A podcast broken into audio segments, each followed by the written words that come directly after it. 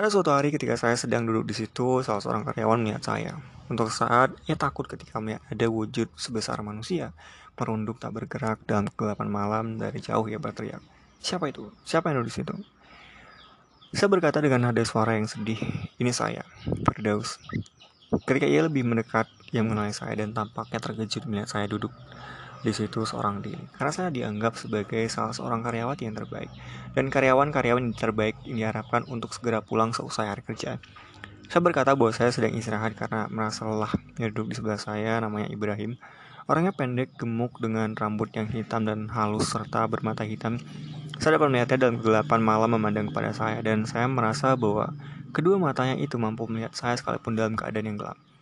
Setiap kali saya menoleh ke arah lain, kedua mata itu mengikuti gerakan saya, menatap seakan-akan tak mau melepaskannya. Sekalipun ketika saya menyembunyikan mata saya dengan tangan saya, kedua matanya itu seakan-akan menembus masuk sampai kepada yang berada di belakangnya. Tapi setelah sejenak ia memegang tangan saya dengan sopan menariknya dari muka saya dan berkata,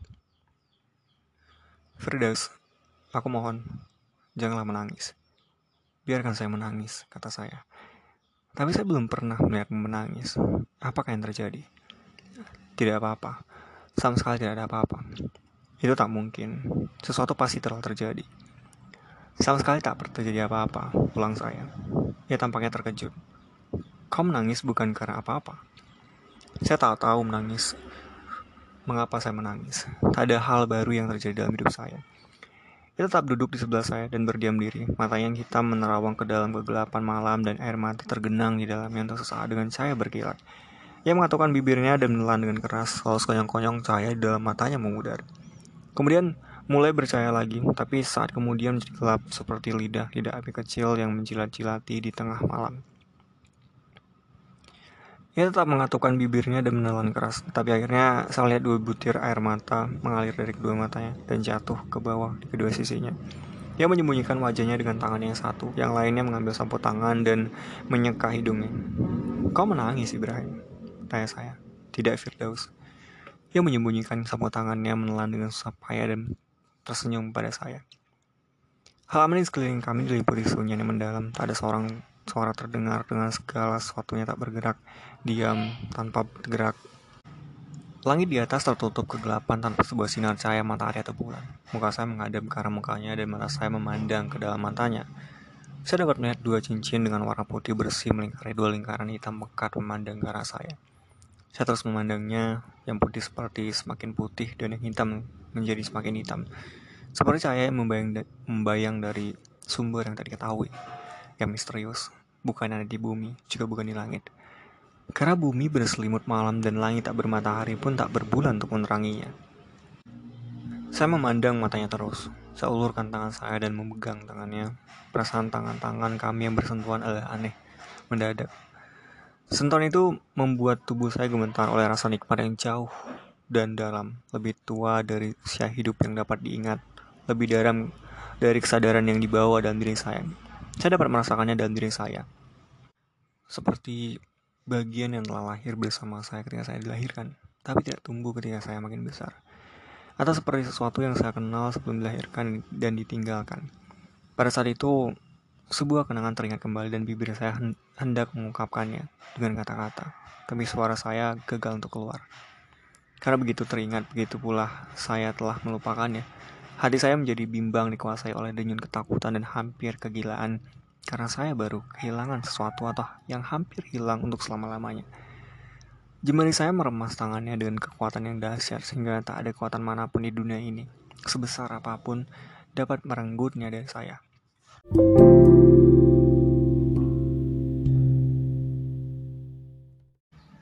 Setelah malam itu, kami hanya perlu bertemu dan bibir saya akan mulai mengatakan sesuatu. Tapi begitu teringat, begitu pula saya lupa apa yang akan saya katakan. Hati saya berdebar-debar dengan rasa takut, atau dengan perasaan yang menyerupai rasa takut. Saya ingin mengulurkan tangan dan memegang tangannya, tapi ia akan memasuki kompleks gedung dan meninggalkannya tanpa memperhatikan saya. Dan bila ia melihat kepada saya, maka ia lakukan seperti ia melihat kepada para karyawati lainnya. Pada suatu rapat besar bagi para karyawan, saya dengar ia berbicara tentang keadilan dan tentang penghapusan hak-hak istimewa yang diperoleh pihak karyawan, pihak manajemen, dibandingkan dengan yang diperoleh oleh para karyawan. Kami bertepuk tangan dengan penuh semangat dan berdiri dekat pintu untuk waktu yang lama untuk memberikan selamat. Ketika tiba giliran saya, saya pegang tangannya dan matanya saya tetap dengan mata saya untuk waktu yang lama. Sambil duduk di meja, saya seperti melamun saja menuliskan nama Ibrahim. Di atas permukaan meja yang terbuat dari kayu atau di punggung tangan saya dan begitu saya melihatnya menyeberangi halaman dalam, maka saya akan berdiri seakan-akan siap untuk berlari dan bergabung dengannya. Tapi sesaat kemudian saya akan duduk kembali. Kawan saya Fatia telah melihat saya berdiri dan duduk kembali seperti itu tadi beberapa kali. Dia mendatangi saya dan berbisik di telinga saya. Apa yang terjadi dengan kau Firdaus? Dan saya bertanya dengan suara merenung. Apakah Ibrahim telah lupa? Lupa apa tanya Saya tak tahu Fatia. Kau hidup di dunia mimpi sayang. Itu tak benar. Itu tak benar Fatia. Memang benar telah terjadi. Kemudian dia bertanya, apa yang sebenarnya telah terjadi. Saya berusaha untuk menceritakan kepadanya apa yang telah terjadi, tapi tak tahu bagaimana melukiskannya keadaannya. Atau barangkali saya tak dapat menemukan sesuatu untuk dikatakan seperti apa yang telah terjadi, tapi saya lupa apa sebenarnya atau seolah-olah sama sekali tidak pernah terjadi apa-apa. Saya akan memejamkan mata saya dan berusaha untuk membayangkan kembali di adegan tersebut kedua lingkaran hitam pekat yang dikelilingi oleh dua buah cincin yang putih bersih itu secara berangsur akan muncul di depan mata saya. Apabila saya memandang ke arah mata itu, beberapa waktu lamanya kedua lingkaran itu akan mulai membesar dengan cepat menjadi semakin makin lama makin besar sehingga pada suatu saat yang hitam mencapai ukuran sebesar bumi dan yang putih tumbuh menjadi gumpalan massa yang berwarna putih sekali. Sebesar bulatan matahari, mata saya akan menghilang ke dalam yang hitam dan yang putih sampai mereka tidak ada dapat lagi melihat sesama lainnya. Bayangan-bayangan di hadapan mata saya menjadi kacau. Saya tidak dapat lagi membedakan wajah-wajah ibu dan ayah, wajah Fafea, wajah Fatia, wajah Iqbal dan Ibrahim. Saya buka mata saya lebar-lebar dalam keadaan panik seperti seorang yang merasa akan kehilangan penglihatannya. Bentuk wajah Fatia masih tetap ada di sana, tampak menonjol pada warna gelap bumi atau pada putihnya sinar matahari. Apa kau mencintai Ibrahim? Tanyanya. Sama sekali tidak. Hal apa sebabnya kau gemetar jika kau dengar nama yang disebut? Aku tidak pernah, tak pernah terjadi. Kau selalu membesar-besarkan suatu Fatia. Saya mendengar dia berkata, Ibrahim orang yang baik dan seorang revolusioner. Aku tahu, tapi aku ini tak lebih dari seorang karyawan dan saja. Bagaimana mungkin Ibrahim jatuh cinta kepada seorang gadis miskin macam aku?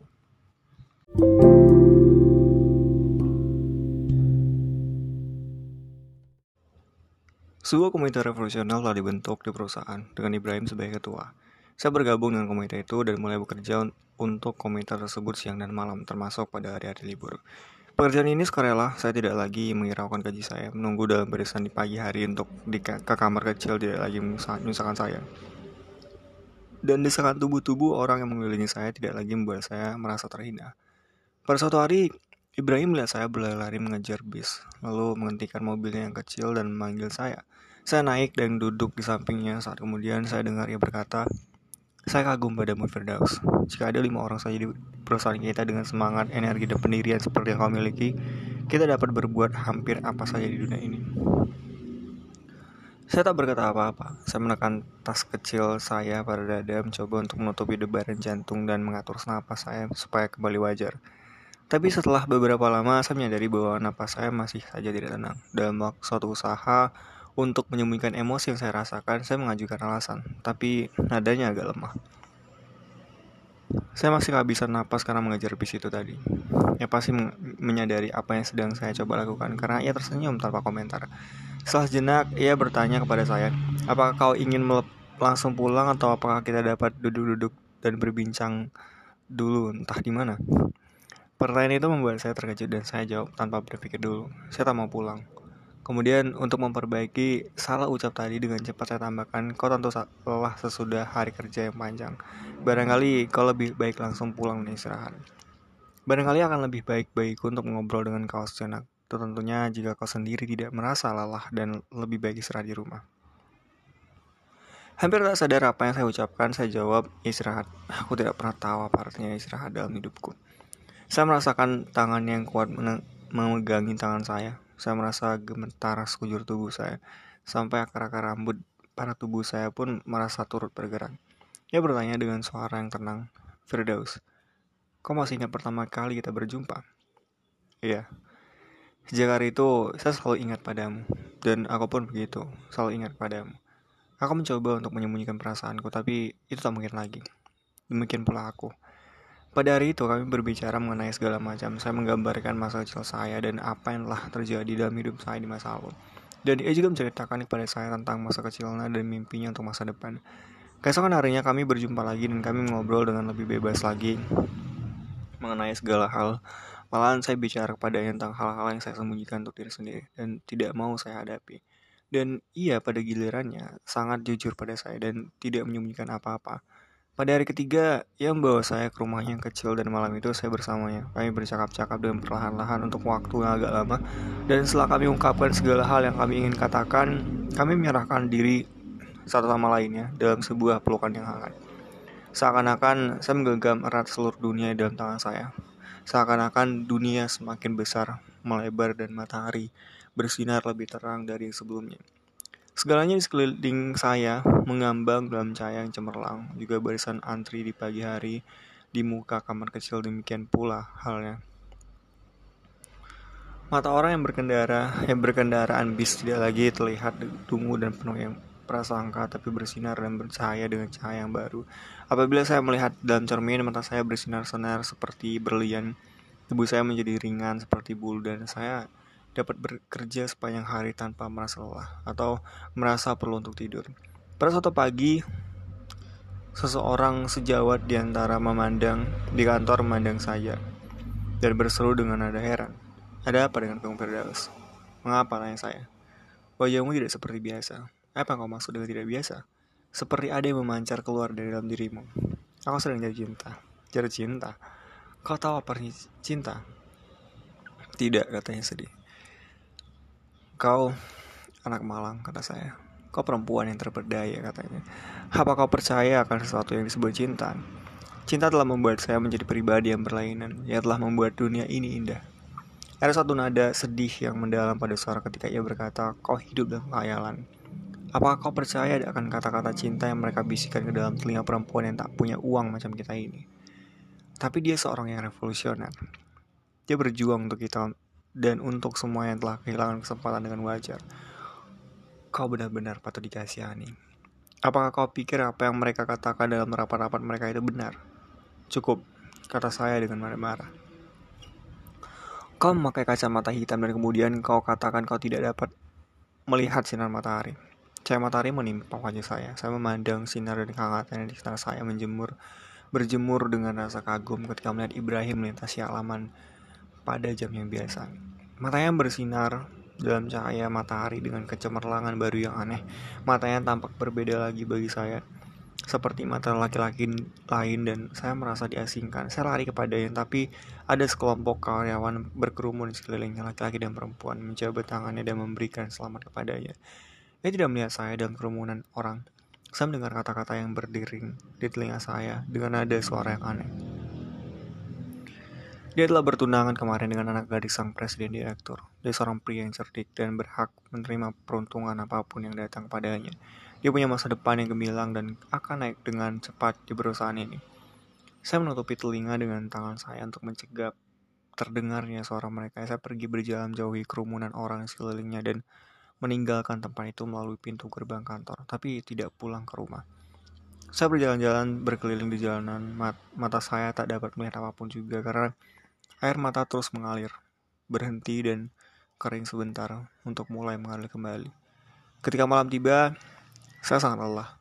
Sekonyong-konyong air mata berhenti mengalir seperti sesuatu telah tertutup di dalam. Dengan cepat, muka dan leher saya menjadi kering tapi bagian depan tubuh saya masih basah. Udara malam yang dingin menembus masuk ke dalam tubuh saya. Saya gemetar dan bersedekap dalam usaha untuk tetap hangat. Saya teringat lengan-lengannya memeluk saya, lalu makin gemetar saya menangis.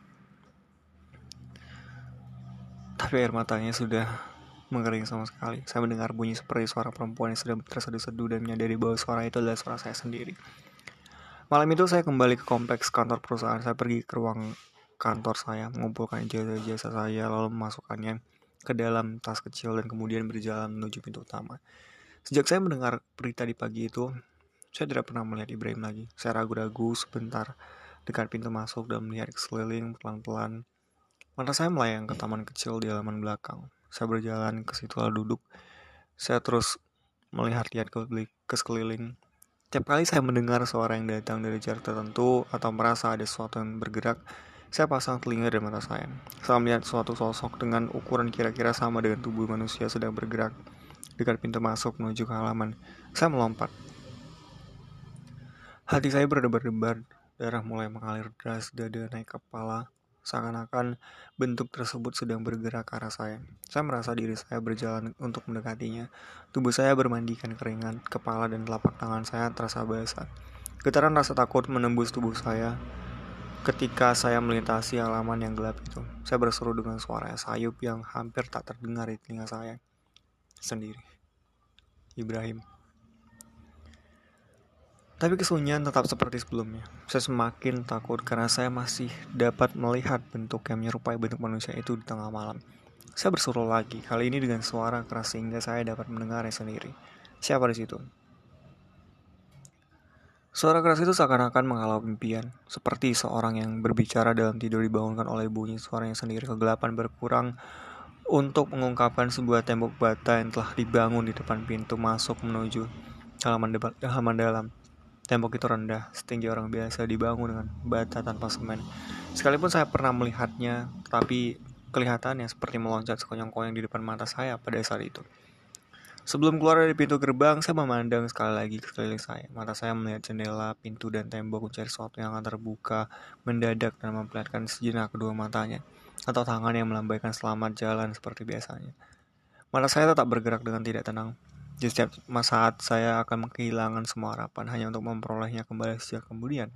Maka saya akan meneruskan pencarian yang gila-gilaan itu. Dan dada saya akan turun naik lebih cepat.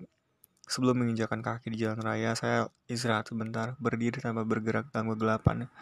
Sekalipun saya berjalan di jalanan, saya terus melihat ke belakang seperti mengharapkan sesuatu akan terjadi. Tapi jendela dan pintu tetap tertutup rapat seperti sebelumnya.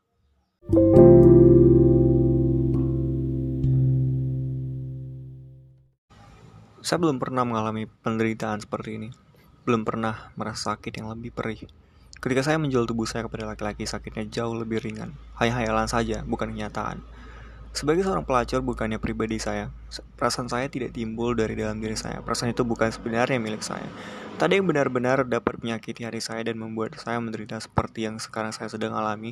Barangkali sebagai pelacur, saya telah tahu penghinaan yang begitu mendalam sehingga apa pun sebenarnya tak berarti. Bila jalanan telah menjadi kehidupan Anda, Anda akan mengharapkan Anda tak akan mengharapkan sesuatu lagi. Tak menginginkan apa-apa, tapi saya mengharapkan sesuatu dari cinta. Dengan cinta, saya mulai membayangkan bahwa saya menjadi seorang manusia. Ketika saya menjadi pelacur, saya tidak pernah memberikan sesuatu dengan cuma-cuma, tapi selalu mengambil sesuatu sebagai imbalannya. Tapi di dalam cinta, saya berikan tubuh dan jiwa saya, pikiran dan segala upaya yang dapat saya kumpulkan dengan cuma-cuma. Saya tidak pernah meminta sesuatu, memberikan segalanya yang saya miliki, menyerahkan diri sendiri, melepaskan semua senjata yang saya miliki, mengurangi semua pertahanan saya dan membuka raga saya. Tapi ketika saya menjadi pelacur, saya mempertahankan diri saya, melawan kembali setiap saat tidak berlengah untuk melindungi diri pribadi saya yang paling dalam dan dari serangan laki-laki. Saya berikan hanya kulit luar saya, saya menyimpan hati dan jiwa saya dan membiarkan tubuh saya memainkan peranan yang peranan yang pasif, tak berdaya dan tak berperasaan. Saya belajar untuk melawan dengan cara bersikap pasif untuk menjaga keutuhan diri dan memberikan apa-apa. Untuk hidup dengan mengundurkan diri ke dunia yang saya miliki sendiri. Dengan perkataan lain, saya katakan kepada laki-laki bahwa ia boleh memiliki tubuh saya tapi tak pernah akan mampu membuat saya bereaksi gemetar atau merasakan nikmat atau sakit. Saya tidak berupaya, tidak mengeluarkan energi, tidak memberikan kasih sayang, tidak berpikir. Oleh karena itu,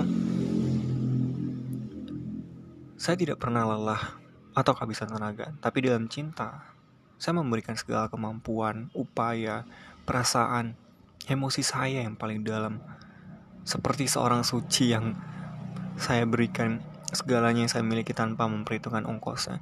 Saya tidak minta apa-apa, kecuali mungkin hanya satu hal, untuk diamankan oleh cinta dari segalanya, untuk menemukan diri saya kembali, untuk mengenali diri sendiri yang telah hilang, untuk menjadi makhluk manusia yang tidak dilihat orang dengan caci makian atau dengan pandangan rendah, tapi dihormati dan disukai dan dijadikan merasa utuh. Saya tidak ditakdirkan untuk mencapai apa yang saya harapkan. Bagaimana kerasnya pun saya berusaha atau pengorbanan apa pun telah saya berikan seperti orang yang berhayal mempunyai maksud yang baik.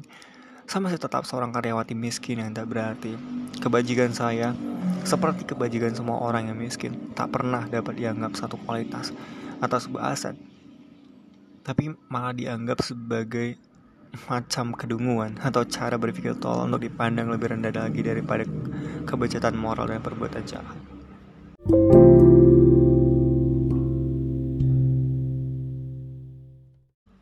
Saatnya telah tiba bagi saya untuk melepaskan butiran yang terakhir dari kebajikan.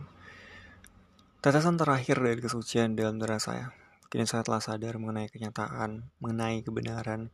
Kini saya telah tahu apa yang saya inginkan. Kini tak ada lagi ruangan bagi hayalan. Seorang pelacur yang sukses lebih baik daripada seorang suci yang sesat. Semua perempuan adalah korban penipuan. Laki memaksakan penipuan pada perempuan dan kemudian menghukum mereka karena telah ditipu menindas mereka ke tingkat terbawah dan menghukum mereka karena telah jatuh jatuh begitu rendah, mengikat mereka dalam perkawinan dan menghukum mereka dengan kerja kasar sepanjang umur mereka, atau menghantam mereka dengan penghinaan atau dengan pukulan. Kini saya sadari bahwa yang paling sedikit diperdayakan dari semua perempuan adalah pelacur. Perkawinan adalah lembaga yang dibangun atas penderitaan yang paling kejam untuk kaum wanita.